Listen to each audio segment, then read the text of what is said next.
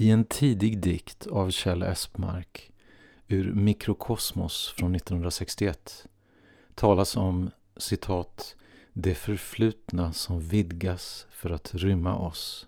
Slut på citat. Jag tror att dessa eller nästan samma ord återkommer i en senare dikt, kanske i flera. Det är ofta så hos Espmark. Samma teman insisterar på att användas igen, fogas in i nya mönster. Lite som i Bartoks musik, som Esmark har en speciell relation till. Esmark är en av dessa poeter som är ganska lätt att citera. Hans poesi är nästan varhelst man fäster blicken påfallande signifikant. Men den här raden om det vidgade förflutna har fastnat i mig.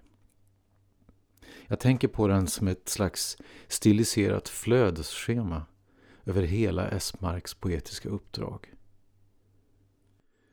Det stämmer i synnerhet om den så kallade rolldiktningen eller de poetisk-dramatiska monologerna och som med åren för många läsare kommit att bli nära nog synonyma med poeten Esmark.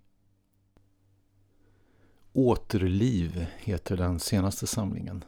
Det är också titeln på den trilogi som härmed fullbordas och vars föregående delar är Skapelsen 2017 och Fällens frihet 2019.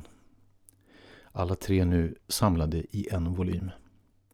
I tredje delen återfinns porträtt av bland andra Gilgamesh och Yeats, Claude Lévi-Strauss och 1600-talspoeten Sor Juana de la Cruz som Octavio Paz skrivit en berömd monografi om.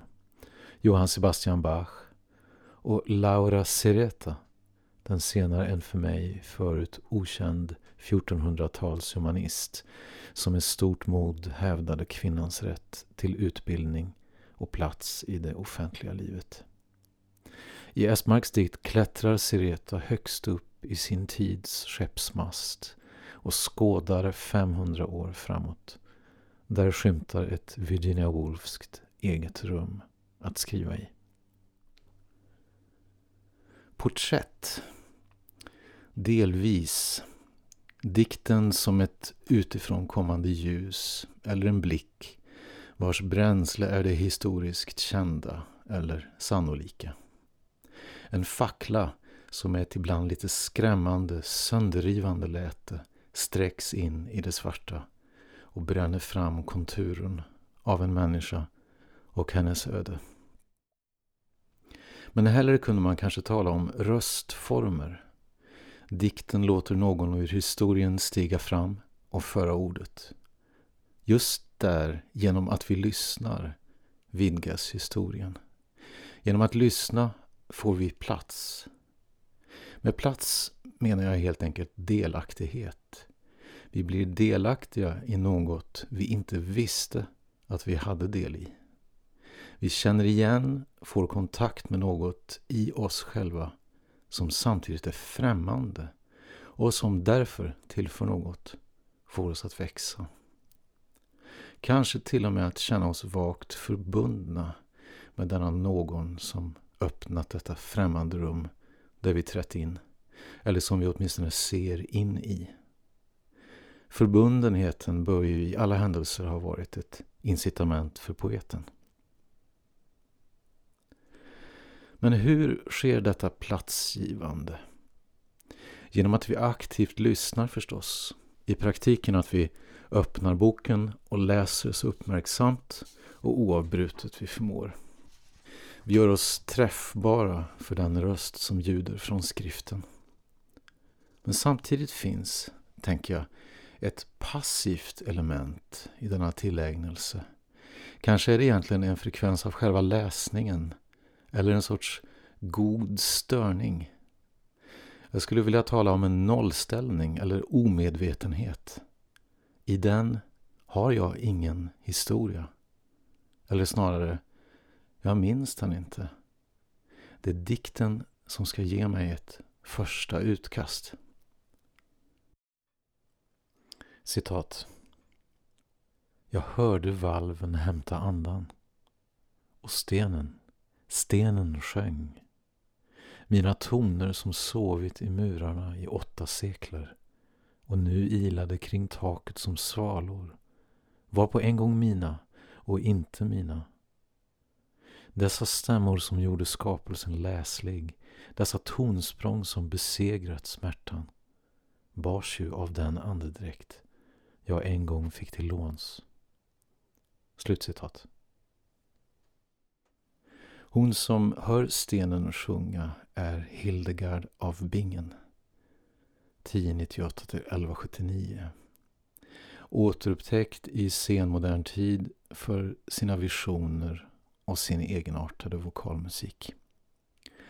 I Ersmarks dikt får hon säga rakt ut, citat, ”Jag var ingen mystiker”, slutcitat. Det skulle nog inte Vatikanen hålla med om. Benediktus den XVI kanoniserade henne till och med 2012 utan tillåtelse.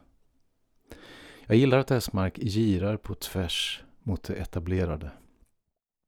Inte så sällan låter han sina karaktärer koka av vrede gentemot eftervärldens tolkningar. Det är inga mjäkiga typer som höjer stämman här. Inte heller tigger de om att uppfattas som sakrosankta. Oavsett, det är ingen oproblematisk hantering att lägga ord i munnen på någon som inte kan försvara sig.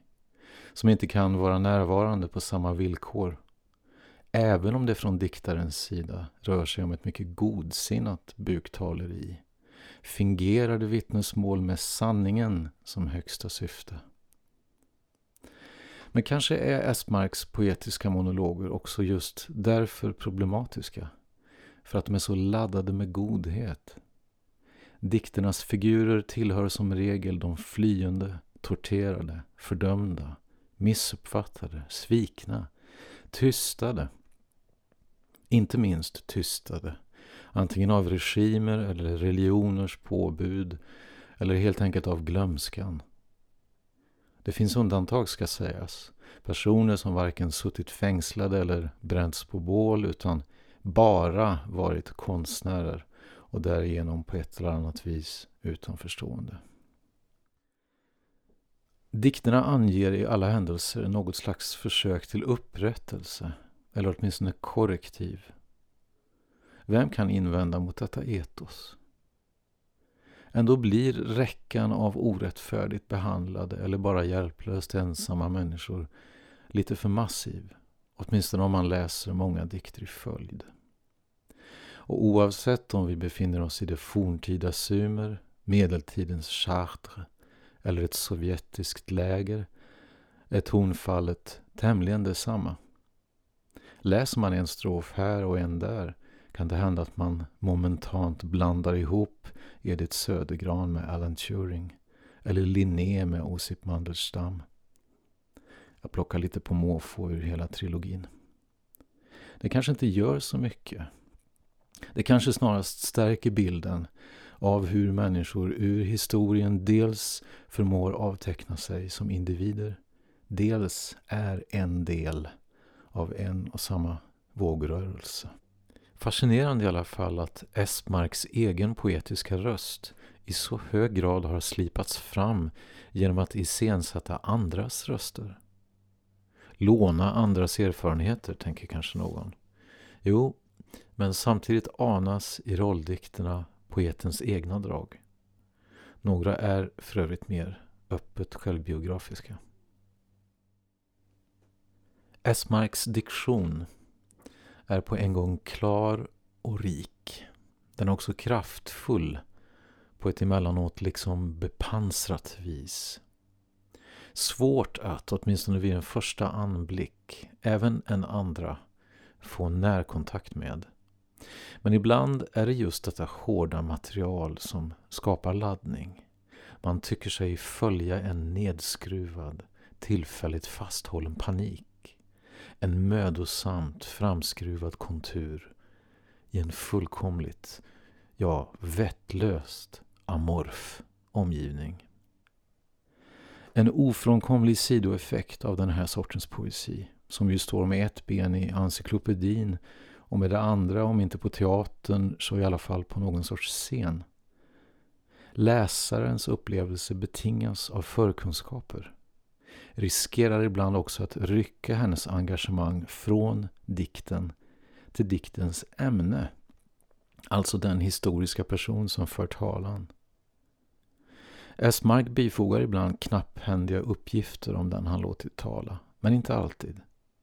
I några tidiga rolldikter, som man finner redan i Samtal under jorden 1972, framgår inte nödvändigtvis vem som porträtteras.